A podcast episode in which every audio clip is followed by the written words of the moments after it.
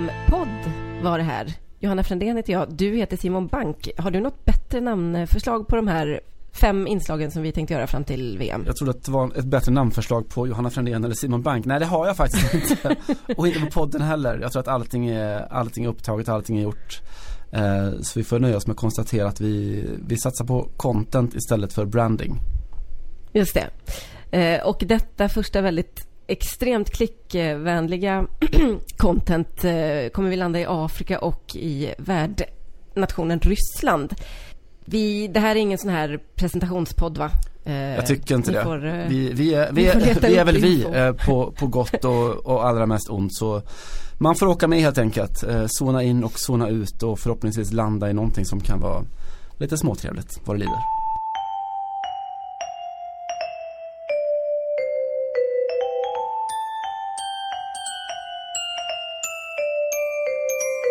Jag tänkte skicka dig direkt till Afrika för att ställa den här eviga VM-formalia-frågan. Är det Afrikas tur, Simon Bank?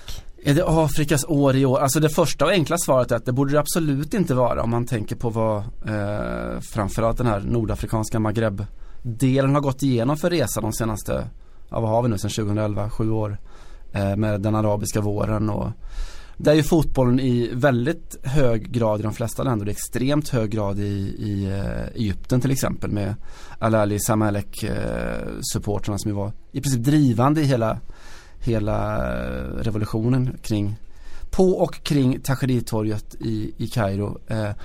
Så att allting har ju rasat egentligen med fotbollen i de här, i Marocko, i Tunisien, i Egypten. Men inte mer än att de då är med i VM allihopa. Eh, vilket ju är fullkomligt eh, fantastiskt egentligen. Mm. Och ser man på vad de eventuellt kan göra där så jag vet inte, jag tycker att, att Senegal är väl kanske det det bästa, alltså individuellt starkaste laget de skickar dit eh, med sin fysik, med sitt starka huvudspel, med, ja, med den individuella stora, stora kvaliteten med Mani och Koulibaly och, och allt vad de heter. Eh, Marocko, det roligaste laget tror jag att följa. Eh, spännande dribblers och en spännande tränare som jag gärna återkommer till.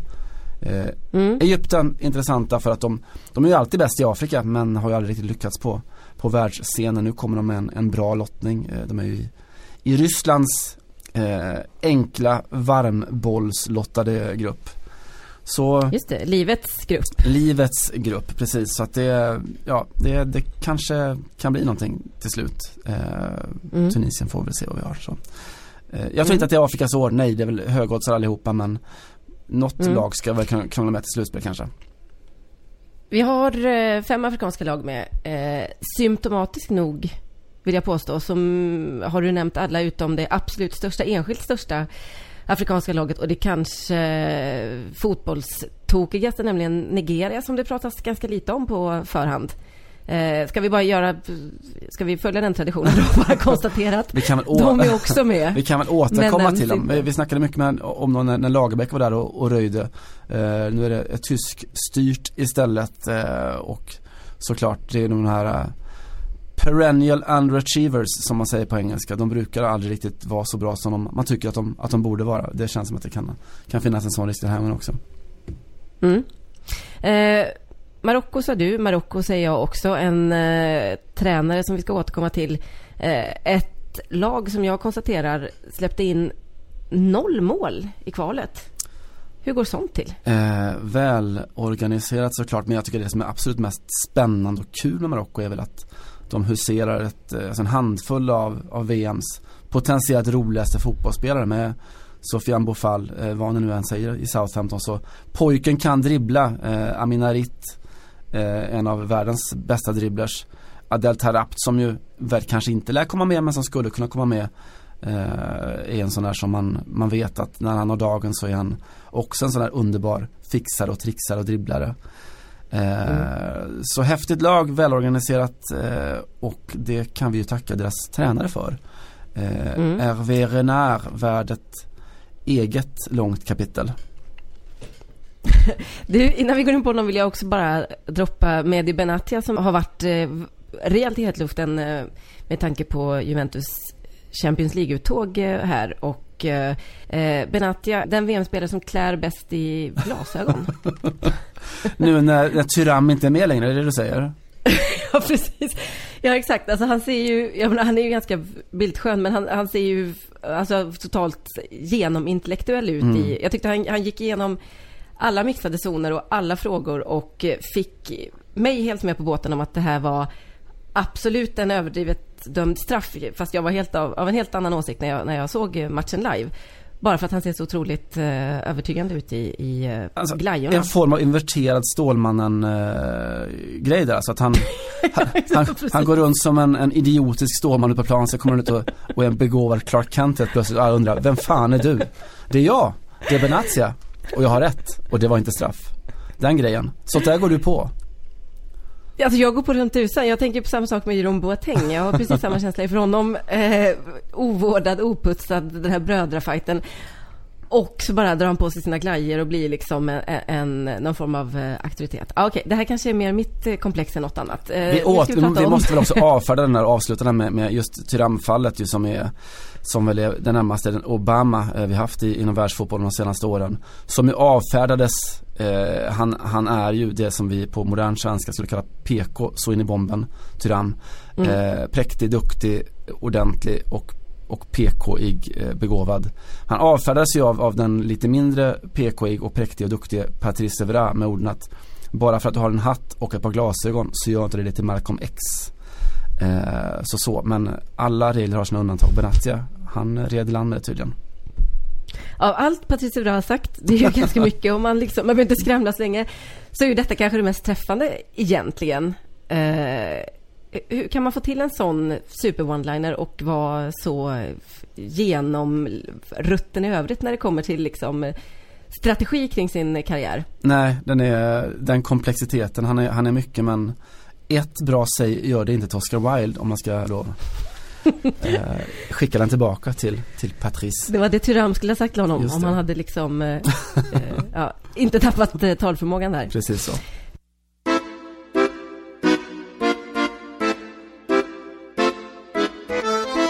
Hervé Renard.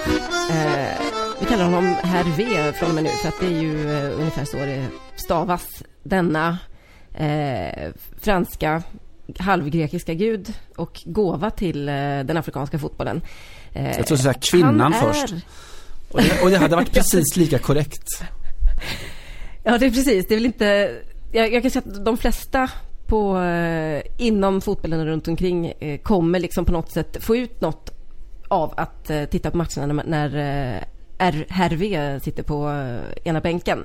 Av lite olika skäl kanske, men det är ju onekligen så att han har en, en aura och en fysik som liksom tar över lite grann eh, resten av eh, intrycket. Jag tänkte ändå att vi ska börja i rätt ände, nämligen berätta lite om hans eh, karriär. För han har ju gjort det här som man inte riktigt förstår eh, hur det funkar att vara bra i Afrika men ganska dålig i övrigt. Mm. Jag antar att man har fått en annan sorts chans kanske i Afrika. Sen, sen finns det väl också Kanske ska man slå fast att det som Hervé Renard har gjort att han har lyckats med landslag och inte med klubblag. Det kanske inte heller är helt Helt ovidkommande att han kanske är den här sortens tränare som inte fungerar eh, måndag till söndag eh, 52 veckor om året men som är en väldigt duktig eh, på att organisera på kort tid och väldigt duktig på att eh, få ihop lag. Han verkar ju, alltså man ser på det som han har gjort i i både Zambia och Elfenbenskusten förut, alltså de två länderna han har vunnit eh, Afrikanska mästerskapen med. Eh, totalt, totalt, totalt dundersensationellt med, med Zambia, eh, den afrikanska kontinentens motsvarighet till Greklands guld 2004 på sätt och vis. Eh, mindre sensationellt men minst lika efterlängtat om Elfenbenskusten. Det var att han, han lyckades ju sy ihop oerhört starka kollektiv, oerhört starka lag. Han var oerhört populär i båda de, de spelargrupperna. Och det känns som att det är lite på väg åt samma håll med, med Marocko nu också. Uh, han har faktiskt gått på en liten uh, nit på vägen. Uh, en uh, marockansk spelare som spelar i den katariska ligan. Moussin Metouali gick ut häromdagen och sa att man får ju ingen plats i landslaget längre om man inte är, om inte ens agent är eh, nära vän till herr V. Eller om man eh, betalar för i princip någonting så, åt det hållet sa han. Någon sorts brasiliansk eh, anklagelse. Det är sådär som det har sagts att det funkar i Brasilien. Man... Just det. Och eh, herr V må ju ha en, en, liksom, en eh, ganska ljuv uppsyn men detta tog han på fullaste allvar så han har nu eh, anmält honom för förtal då helt enkelt. Mm. Och och eh, en polisutredning har eh, startats i fallet. Det är inte riktigt den typen av ehm, upp, liksom uppladdningsingrediens man kanske riktigt eh, behöver. Men det är väl inte så sällsynt generellt. Och nu pratar jag extremt generellt, pyttelite fördomsfullt också. När man uh, tränar afrikanska lag. Du säger att det kan vara, en, finnas en fördel i att det är landslag och, mm. och så vidare. Att, att man liksom skapar en grupp. Det är, väl ett, det, är väl, det är väl något helt annat att kliva in i ett sånt här land än nordeuropeiska länder utan att kliva över någon gräns. Det är väl det som, som eh, Lagerbäck också till exempel fick eh, erfara. Gud ja, eh, det är klart att en helt, en helt annan fotbollsvärld och eh, det finns ju, vi pratade om om eh, det fördomsfulla och det, rent, det som gränsar till och ibland kliver över till det rasistiska också. Det är en form av fördom som finns ju även i, i Afrika och kanske särskilt i Afrika just det här med att det är eh, den europeiska mannen, den vite mannen som ska komma dit och med någon form av nedärvd eh, organisationstänk eh, få, få stadga och ordning. Eh, det är ju extremt mycket som man tittar på Afrikanska mästerskapen de senaste upplagorna och så, så är det ju alltså i princip eh, 9 av 10 nationer tränas ju av Europeer, eh, brett talat fransmän i, i synnerhet. Eh, och det har ju forskats mycket i det här i någon form av som postkolonial eh, forskningsfåra. Eh, hur, hur kan man för, Lilian Thuram-fåran eh, helt enkelt. Exakt den fåran. Eh, och man har väl liksom kommit fram till att det finns ingenting empiriskt som visar att de här europeiska tränarna, de franska tränarna gör bättre resultat än, än vad de inhemska tränarna gör. Eh, utan man har snarare liksom hittat att det här är besläktat med den forskning som bedrivs i Europa med vårt synsätt på, och nu pratar jag vårt brett då, det europeiska synsättet på afrikanska fotbollsspelare. Där det liksom traditionellt historiskt så har det alltid varit anfallsspelare som har värvats från Afrika för att man tycker att det på något sätt passar eh, något afrikanskt tänkt kynne. De har, de har sin fysik, de har sin, eh, sin irrationella, eh, sina irrationella kvaliteter och sin fart och så vidare. Eh, och det här låter ju liksom uråldrigt men det är ju vad är det bara ett par år sedan som du hade Willy Sagnol som var tränare i Bordeaux då som, som pratade just de här termerna av att afrikanska spelare de är, de är liksom eh, fysiska och häftiga och sådär men de är inte så disciplinerade och så ordnade och, och fattar inte, är inte så intelligenta helt enkelt. Eh, han ritade liksom en hel rasbiologisk karta över nästan alla europeer. Det skulle vara just, det är liksom bra att ha några skandinaver för de är på det här mm. sättet och så kanske man kastar in någon, någon liten fransman och så någon afrikan så får man det här och det. Det var, det var liksom på, på något sätt det som uh, man ju vet att väldigt många i eh, fotbolls-Europa och kanske framförallt i Frankrike, Spanien även eh, går runt och tänker. Men det var väldigt eh, ovant att, att, att höra någon säga det rakt ut på det sättet. För att det, frågan är så otroligt eh, eh ja, känslig är ju inte ens eh, rätt ord. Den, jag menar det, det är ett sånt eh, extremt övertramp såklart och, och göra den här typen av generaliseringar. Men, men just när det kommer till Afrika så, så, gör, så görs den bakvägen då lite grann. Att vi, vi behöver liksom en europeisk pappa som eh, tar hand om oss och organiserar oss och den här idén om att tämja vildarna Absolut. helt enkelt. Det, det, man får säga att det är en tvåvägs eh, fördom där någonstans. Verkligen och den är ju då en, en, alltså en positiv eh, särbehandling för i det här fallet och de, de europeiska tränarna. Les Saucier Blanc pratar man om i de här fransktalande nationerna. Alltså den, den vite trollkaren eh, som kommer dit och får mm. allting till rätta. Den alternativa analysen då som de här, många av de här tränarna, bland annat Claude Leroy som vi pratade om eh, har liksom hänvisat till att fördelen med att komma dit som europeer är att du står utanför alla kotterier, alla de här eh, politiska spelen som kan finnas. Du är inte påverkningsbar på samma sätt om du kommer till Nigeria om du, om du är en Lars Lagerbäck som om du, om du är en inhemsk tränare. Men, eh, det. men det känns som att jag vet inte, det finns i alla fall som sagt ingen empiri som visar på resultaten. Eh, att det skulle vara så att man av nödvändighet eh, nå bättre resultat med europeiska tränare.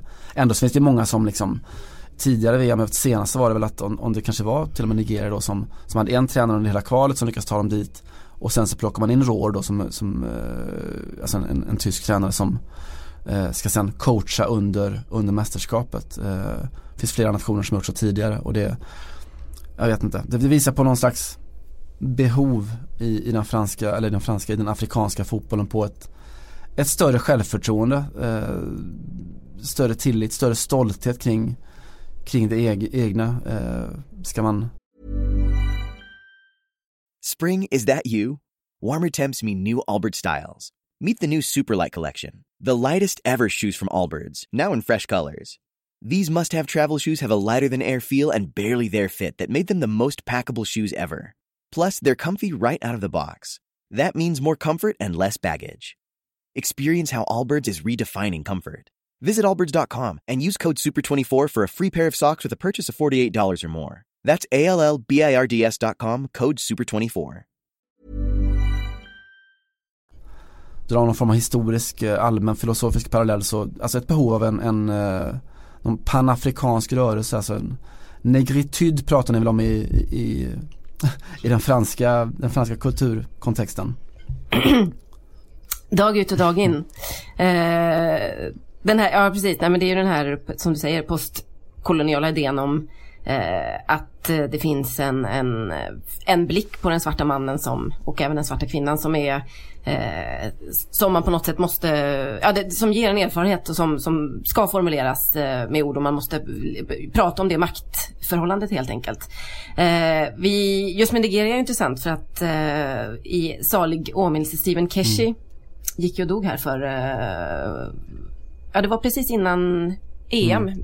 2016 minns jag bara av mig själv. Där hade man ju en sån eh, tränare som var allt det andra och allt det nya och, och, och, och verkligen dessutom hade rykte om sig och, och, var stark organisatoriskt, snudd på diktatoriskt men, men väldigt bra på att eh, få ihop liksom ett, eh, ett lag och som, och, som fick då på, på liksom många sätt personifiera den här nya förhoppningen om de kommande svarta tränarna. Men det, det har stannat av lite grann sedan dess. Vi konstaterar också att det är fem afrikanska länder sa vi i mm. uh, VM i år. Två av dem har uh, inhemska tränare och det är Senegal och det är Tunisien. Men uh, Nigeria, Egypten och Marocko förlitar sig på, ja Egypten förlitar sig inte på den europeiska mannen då utan den den sydamerikanska. Argentinska. Är Hector så? Ja, Cooper, precis. precis. Och de, Egypten har ju traditionellt haft, eller om man säger i modern historia, så deras mest framgångsrika tränare är ju Hassan Shäte som uh, var en oerhört stor, uh, stor profil och tränare som kanske också gick bort sig lite just i samband med arabiska våren. Han, han tog väl lite regimens, Mubarak-regimens uh, sida där eller pratade om att han, han vill gärna se stabilitet. och det kanske inte var så populärt sen när vindarna började vända och bli kraftigare. Men han har varit ett av undantagen. Du tog upp som Senegal tränas av Aliou Cissé som visst, han är senegales, eh, det vet vi svenskar sen, sen 15-16 år tillbaka om inte annat. Eh, men han är ju mm. också en spelare som fick, levt hela sitt vuxna fotbollsliv i en fransk kontext och, och, och verkat och fått sin skolning där. Så att han är inte fullt ut, eh, alltså en hemmaafrikan. Maloli i Tunisien är ju eh, tunisier, eh, eller har, har levt mm. hela sitt fotbollsliv där. Så att, Aliou Cissé, nu kände jag att jag bara fick ännu ett namn att lägga till min glasögonspaning. Mm. Han ser otroligt intellektuell ut uh, i de här ganska breda Lite Lenny Kravitz-kvalitet på honom, inte det? Ja, mm. helt och hållet. Precis. Ska han ge taktiska instruktioner eller ska han dra ett gitarrdrift i liksom, eller hålla en, en, en lektion i postkolonial Eller som analys. Pia Sundhage, lite av varje samtidigt. lite så, precis. Ja, precis. Nej, det är också en eh, det är ett eh, spännande namn. Men eh, vi landar ju hela tiden eh, under de här första minuterna i Hervé mm. då, eh, Renard. Och det är ju, kan ju tyckas lite tramsigt. Men det är inte bara så att det är den vita mannen som kliver ner i Marocko och tar hand. Utan det är ju liksom den vita, bilden av den vita manliga perfektionen. Mm. Alltså det, det, det är, han har liksom en, en fysik, alltså ett utseende helt enkelt som är väldigt, väldigt svårt att värja sig mot. Och som någonstans blir omöjligt att, att prata om. Jag tycker att det, eh, vi, måste, vi måste prata om detta Simon, vad, vad det innebär när någon den här typen av, eh, liksom en kontinent som traditionellt har, bliv, har tränats, då många länder som har tränats av lite äldre, ofta lite misslyckade kanske europeiska tränare. Du Säg fula om du menar det, säg fula. Är, jag vill säga att Claude Leroy tillhör eh, Euro, inte bara Europas fulaste tränare utan kanske alltså den, den liksom 5% fulaste fransmännen. Alltså det, det, det är ju verkligen inte någonstans där de stora namnen har tagit vägen och Eh, utan det har kanske varit en liten eh, retreat liksom eller mycket eh, ja, pensionärsprojekt för Dominic många är på väg att ta över Elfenbenskusten efter. VM. Just saying. Ja, Mm. du ser. Precis. Renard är, är liksom så franska rivieran snygg att det nästan blir lite löjligt. Och det är inte bara jag som har reagerat på detta och inte heller bara du och jag. Utan eh, det, var ju faktiskt så att när han var i Frankrike till exempel och senast tränade Lille, han gjorde en session där, det gick inget bra. Det är ingen som klarar av att ta hand om eh, Lille sedan Bielsa körde dem i botten. Men där, där blev det också lite samma mm, Krock. sak till slut. Alltså, ja, det, blev en, det blev en krock för han har tränat Lill går väl an, men han tränade ju Sochaux där något år innan och eh, det är ju liksom ett, eh, ett land, och, eller ett land, det är ett lag som liksom kommer från Frankrikes kanske fulaste stad och absolut mest deppiga omständigheter. Och det, blev, det blev en enorm eh, kulturkrock någonstans. Franska Kanal Plus gjorde till slut ett inslag på eh, Renards liksom, framtoning och eh, aura och eh, modelllook helt enkelt jämförde honom med eh, Michel då som var nere och tränade i eh, Marseille. Som ju också är liksom en eh, tiotaggare egentligen. Men eh, här var ju frågan vem som var snyggast. Det var ett ganska gulligt eh, reportage. De bildsatte egentligen hela det här porträttet med extra stora leenden och det var liksom eh, det gnistrade till i tänderna. Det var ju liksom en Disney-film för att man riktigt skulle kunna ta ställning och sen så frågade de Renard, vem, vem är snyggast? Vem är mest bogos av er två liksom? Det här franska ordet för vem är snyggingen? Och då Renard såg lite of- oförstående ut och man tänkte så här, vad han hade fått den här frågan, men det hade han ju. Och svarade, men det är väl klart att det är jag. Jag förstår inte hur det ens kan vara en fråga.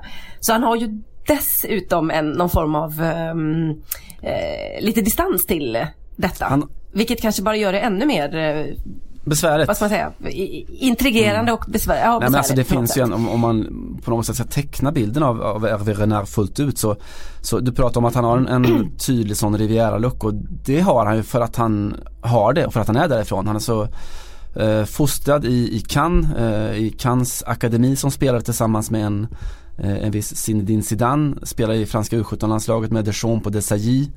Eh, lyckades aldrig få ut som spelare, han spelade kanske någon, någon ligamatch antar jag med, med, med Cannes men det blev liksom aldrig någonting.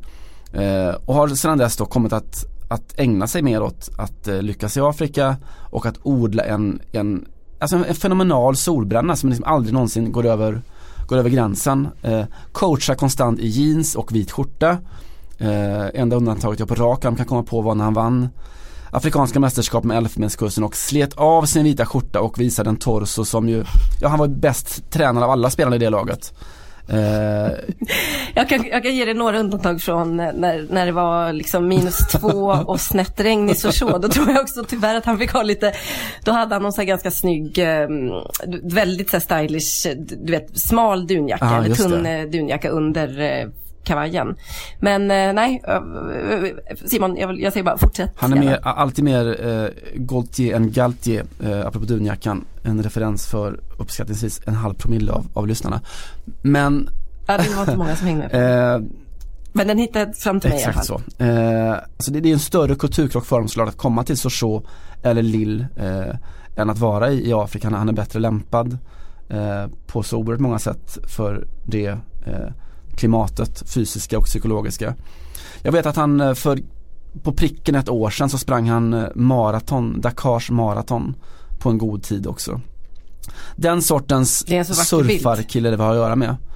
Eh, Mm. Och om vi ska då Ni som inte vet hur han ser ut, alltså den närmsta jag kan komma på, eh, liksom rent den där, som en arketyp är väl nästan MacGyver. Ja, Där finns det ganska många gemensamma drag. Men också som du säger, med en, liksom en solbränna och en, en tand, alltså en vithet eh, i tandraden som är eh, säkert medfödd. Eh, för jag, det känns inte som att man står och bleker tänderna. Men det, det är på något sätt, eh, det går nästan inte att bli mer pastisch snygg än eh, vad Marockos förbundskapten så är det. Och ska vi knyta ihop en, en säck eh, så kan man väl säga någonstans att jag nämnde att han sprang, han sprang det där maratonet i Dakar.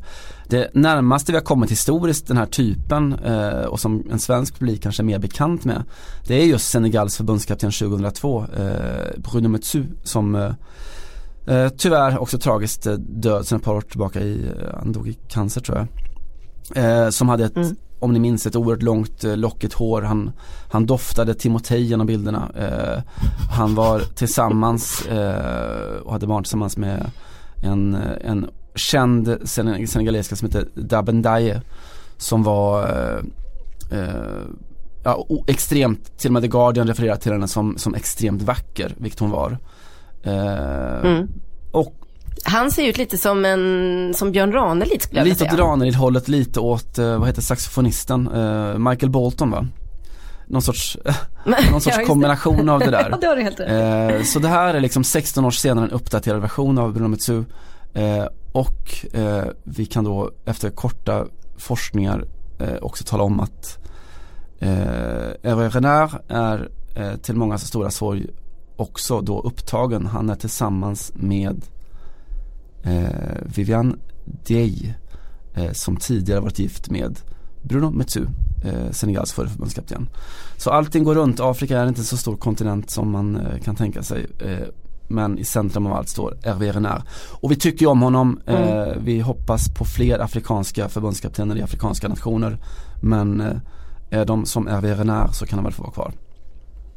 Det är de, det är de undantagen vi kan köpa. Jag ska faktiskt knyta ihop säcken bara med en snabb fråga angående just mm. Marocko. Uh, för Marocko har lagt ett uh, bud på att man vill hålla mm. i uh, nästa VM, alltså det nästa som inte redan är utdelat 2026. precis. Den andra vad ska man säga, bud, budgivaren, eller vad man säger då, tänkta världen är ju USA, Kanada, Mexiko. Och vet du hur de i Marocko precis har lagt fram sin kandidatur, kandidatur vad man har lyft som i konkurrensen med de här länderna? One nation under God. Nej, jag har faktiskt ingen aning.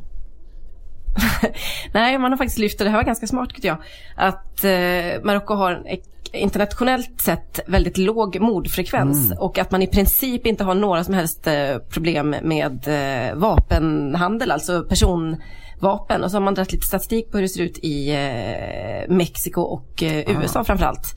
Och eh, så att eh, intressant om Marocko, detta land som liksom många andra skakades eh, av oroligheter under den arabiska våren och inte på något sätt kan betraktas som en fullvärdig demokrati lyfter säkerhetsfrågan som en konkurrensfaktor mot den fria världen plus Mexiko. Vi får se hur det slutar. Intressant. Frankrike har ställt sig bakom Marockos kandidatur i alla fall och och eh, samtliga arabländer som har uttalat sig hittills åt något håll har, har gjort Det vore på tiden och eh, man kan säga att, att de sökte ju faktiskt, eller skulle ju arrangera Afrikanska mästerskapen nu.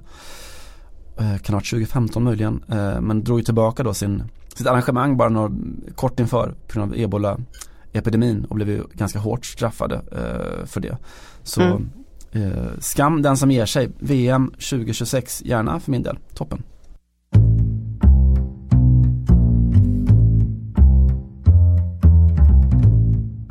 Innan dess så ska vi ju framåt sommaren här eh, dra eh, Not West, Not South, but East. Eh, VM i Ryssland, vad får vi för vibbar av det?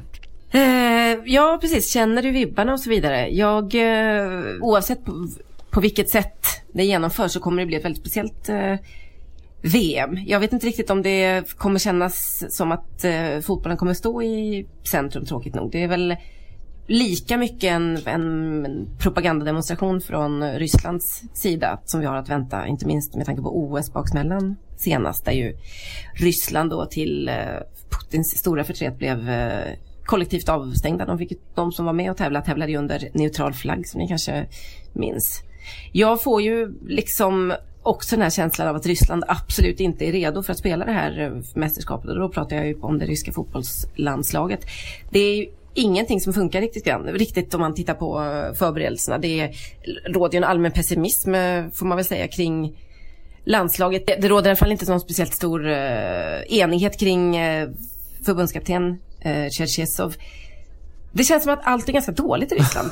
Har du några skäl att ge mig, ge mig hopp eller ge, ge, dig hopp. ge liksom, du vill liksom, känna tro? Ryss, Ge mig hopp Johanna och så ja, vidare. Nej men jag vet alltså inte. Det, det har ju definitivt Delar du mina Ja det gör jag ju, det, gör jag Och de, de, är ju alltså, det är bara att titta på rankingsiffror och sådär att de är oerhört lågt rankade. Uh, och sådär och har inte, har inte tävlat på, eller spelat tävlingsmatch på ett tag som de då är värdnation. man kan ju ställa det mot, väldigt, väldigt tydligt mot eh, EM 2008 som vi svenskar minns väldigt tydligt. Då hade du ett ryskt landslag med med massor med spelare som, som välte Europa över ända. Eh, lyckades jättebra där och, och det här Darshavin, Kirkov, eh, Paluchenko, Bileretinov och allt vad de hette som sen eh, gav sig ut i Europa för att, för att spela i, i Premier League och, och, visa vad de kunde och sådär. Det var en, en internationell rörelse från Ryssland sett. Eh, och man tänkte att nu, nu är det på, på gång. Eh, pendeln har ju svängt, inte liksom Alltså den har ju svängt, extremsvängt åt det andra hållet. Idag har vi ju liksom ett, ett isolationistiskt eh, ryskt eh, fotbollslag och en isolationistisk rysk stat också såklart. De spelarna mm. som är där spelar i ryska ligan. Eh, de ger sig inte ut i Europa, de har det bra på hemmaplan. Eh, jag minns nu efter, efter fiaskot i EM senast så jag var på presskonferensen i Toulouse när när Slutski som jag hade laget då skulle liksom försvara eller berätta vad det var som hade gått åt helvete. Och den första frågan han fick var eh, Ja, är det så här att det här beror på att vi har för många utlänningar i den ryska ligan? Nej, sa Slutski, vi har för få.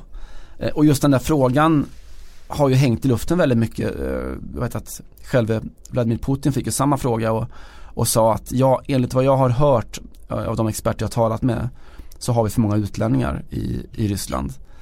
Eh, och de har också sitt kvotsystem som begränsar det utländska inflytandet. Och, så alltså om vi för... Och man vill ju mm. ingå i Vladimir Putins absolut närmaste fotbolls eh, alltså.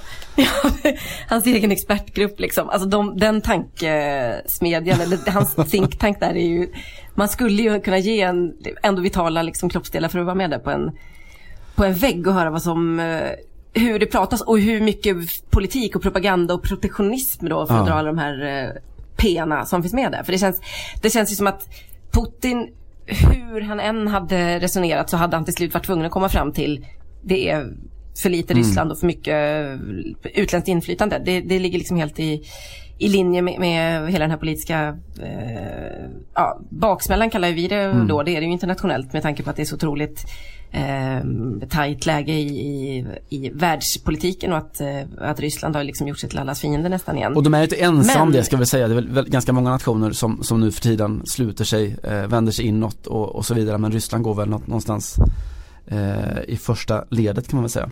Eh, rysk fotboll vill jag hävda gick lite för eh, nästan rysk politik här. För att om man tittar på hur det såg ut under den här, eh, vi kallar det en liten storhetstid ändå som de hade där med Arshavin och gänget eh, kring, ja, 2008, 2010 kanske någonting att säga att det höll i sig. Så hade man ju också en mycket mer, eh, alltså det fanns ju en, en idé där i början på 00-talet om att man skulle ta in influenser utifrån. Man hade holländska tränare, eh, Hiddink var där, Advokat var där, Capello mm, var mm. liksom eh, kronan på, på den här, vad ska man säga, öppnandet inför eh, omvärlden och också kanske lite grann sättet då att kunna bevisa för Ryssland att vi kan locka de absolut bästa. Och, eh, men sen stängde de igen och efter det har det egentligen eh, bara varit ryskt eh, som har gällt Slutski som du mm. när, nämnde. Eh, Cherchesov nu. Ryssland som stormakt eller mm. som, ja, i alla fall propagandaapparat och politisk funktion har ju gått samma väg också egentligen, men lite grann efteråt kan man säga. Jag tror att, att absolut det hänger ihop och det är ju, jag vet att man pratar om man pratar om filmen, det finns teorier om, om, om, om filmens profetiska potential. Fotbollen har definitivt en profetisk potential. Det vill säga det som sker i fotbollen eh, kommer ofta senare att hända, hända i, i samhället. De här underrörelserna, strömningarna som, som då eh, bubblar uppåt eh, inom idrotten i allmänhet och fotbollen i, i synnerhet.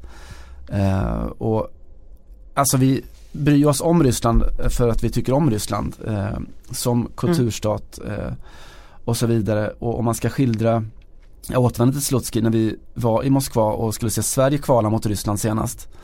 Och jag var på en presskonferens då dagen före match och en av de ryska sportjournalisterna närmar sig Slutski eh, med en gåva eh, och ger honom eh, eh Pushkins Poltava-dikt och frågar alltså om hur ryssarna då slår, slår Sverige i Poltava eh, i striden där och frågar vad kan vi lära oss av Pushkin? Eh, Slutske svarar, ja jag vet inte det, det finns inga genier i fotbollen som Pushkin. Eh, jag vet inte riktigt hur stämningen hade blivit, hur osvensk stämningen hade blivit om någon hade gått fram till Erik Hamrén med en, en Sonnevi-samling och frågat Hörru, Hamrén, eh, Göran Sonnevi, vad säger vi om det? Men eh, jag tycker att om Ryssland och rysk fotboll behöver någonting idag så är det just en, en Pushkin, alltså en, en rysk, eh, han var den ryske Dante på något vis, alltså en folklig motkraft, en anti-auktoritär. Det finns en lite för stor auktoritetstro eh, och en liten för, eh, ja, som jag sagt redan, en protektionistisk slutenhet kring Ryssland och kring den ryska fotbollen. Man får ju dra en liten brasklapp här. Det är också väldigt eh, svårt. Man kan titta på landslagets eh, vänskaps eh, landskampsresultat såklart. Eh, de senaste, och de, och de har mött ganska tuffa lag. De har mm. tagit eh, riktiga giganter på, på vägen. Så att, att man förlorar mot Argentina må väl vara hänt kanske. Men det är svårt att veta vad Ryssland står just som du säger eftersom det är väldigt svårt att ha någon, någon större koll på uh, spelarna med mindre än att man följer den ryska ligan väldigt, väldigt väl. För de återfinns ju där allihopa mm. och är, då måste man kunna göra något, något form av överslag om hur, hur stark den är i, i uh, konkurrensen. Inte kanske helt uh, enkelt heller. vi ska säga några ord om Stanislav Cherchesov också. eller egentligen vill jag bara uppmana alla att gå in och titta på hans egen hemsida. Mm. Det är official website, den finns på engelska.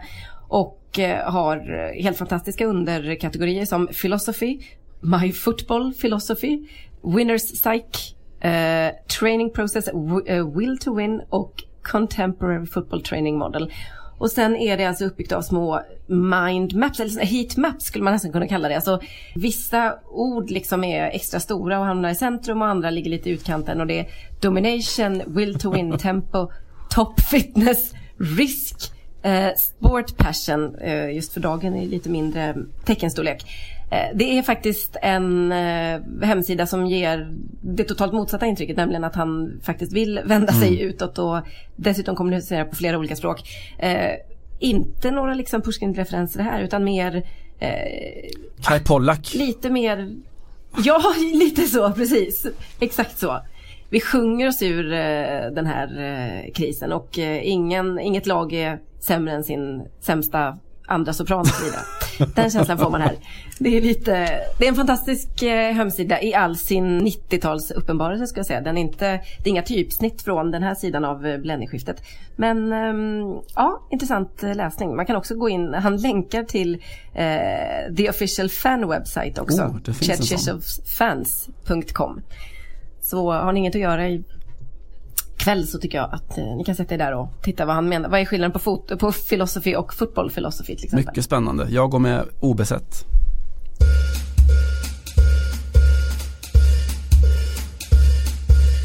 Simon, du ska få avsluta det hela med en eh, låt du får ge dig några ord eh, alldeles strax. Jag eh, ska ge ett litet eh, kulturtips också. Nu är vi i Ryssland och det bär mig egentligen emot att säga någonting annat än att man ska läsa de stora klassikerna. Så att jag kastar väl in Anna Karenina där. Jag tycker inte ni ska missa en av världens kanske bästa romaner. Men eh, om man vill ha något lite mer tids, eller tidsenligt, men lite mer eh, 2018-tips. Så är det faktiskt så att eh, i Ryssland så gick i vintras den mest inkomstbringande ryska filmen genom alla tider upp på biografer. Den går med all säkerhet fortfarande och den är på väg ut i, eh, på den engelskspråkiga marknaden men jag vet inte riktigt när. Den handlar om eh, Rysslands eller Sovjetunionens då eh, basketbragd i eh, München-OS mm. 1972. När eh, Sovjet vände hela världsordningen på ända och eh, slog eh, USA i finalen med hjälp av eh, tre tilläggssekunder som som man fortfarande tydligen inte har kommit över i, i USA. Det pratades om domarskandaler och det ena med det andra. Men eh, till slut så eh, vann Sovjet eh, den här matchen. Eh, filmen heter Tre sekunder. Oh, världens sämsta porrfilmstitel. Ryska. Det kan man tycka och världens näst sämsta uh, porrfilms undertiteltext den heter nämligen Vertical Limit uh, på uh, original då alltså. Då är det fritt översatt. Three seconds är väl vad den ska heta när den kommer ut i på engelska. Vertical Limit motsvarighet mot, eller direkt översatt från tyska. tyska, ryska. Du börjar prata om porrfilm här, jag bara fick så konstiga associationer. Förlåt. Ja, precis. Jag har inte sett den här filmen. Men den ska vara en eh, rysk eh, motsvarighet till eh, Miracle on Ice. Mm. Eh, som ju var en helt eh, omvända egentligen då, men precis egentligen samma story, nämligen när det här som ni känner till, det amerikanska college ishockeylaget slog eh, den ryska björnen, eller sovjetiska björnen, 1980 är vi då va? Eh, alldeles riktigt, Lake Placid. Ja, Lake Placid precis, OS-final där också. Eh, vi eh, ser fram emot den här filmen. Jag ser fram emot att höra din eh, utgångsmarsch. Take it away Simon Bank. Ja, vi eh, har ju, det här är ju lite kulturtipshörnan då, det får bli det helt enkelt och eh, du tog den ryska bollen, jag tar den marockanska då. Eh, och om man eh, vill live-orientera sig i den marockanska musiken så har man ett bra tillfälle här i Stockholm eh, om bara en, ett par veckor när OM Eh, fantastisk sångerska uppträder på Fasching, det finns biljetter kvar, dit kan man gå. Men det är inte OM jag tänker tipsa om, utan jag tänker tipsa om en, ett hiphop-kollektiv, eh, ett av Marockos största, som har gjort grejer tillsammans med OM tidigare. Eh, och varför tycker jag om dem? Jo, för att de är bra musik och de är trevliga, de är hiphoppare de är unga. Men framförallt så handlar det om vad de heter. De heter H. Kane. Vi tar det igen. H. Kane. Ash på franska. Eh, ett hiphop-kollektiv eh, som varit igång länge och är hyfsat stora även i, i Frankrike och Spanien. De har också släppt en, en, en av deras eh, plattor som heter eh, Ash Kanology, alltså Harry Kanologi. Eh, sådär. Så bara det. Eh, så eh, det är väl de som får take us away från Marocko eh, mot Ryssland helt enkelt. Här är Han Wessel, det betyder ungefär Jag kommer att lyckas med Ashkane. راني بديت أنا من والو اليوم أنا بخير احسن من البارح ما غدا ما عرفنا إحنا واش يصير المهم هو هدفي غادي نوصلو ونولي نعاون خوتي مساكن اللي حصلو هذه هي خسائر ولاد الناس والا فلا لا كلام باقي عندي ساعه الكل رساله بديت أنا من والو خويا واخا تحت دموع يسالو غنوصل غنوصل غنوصل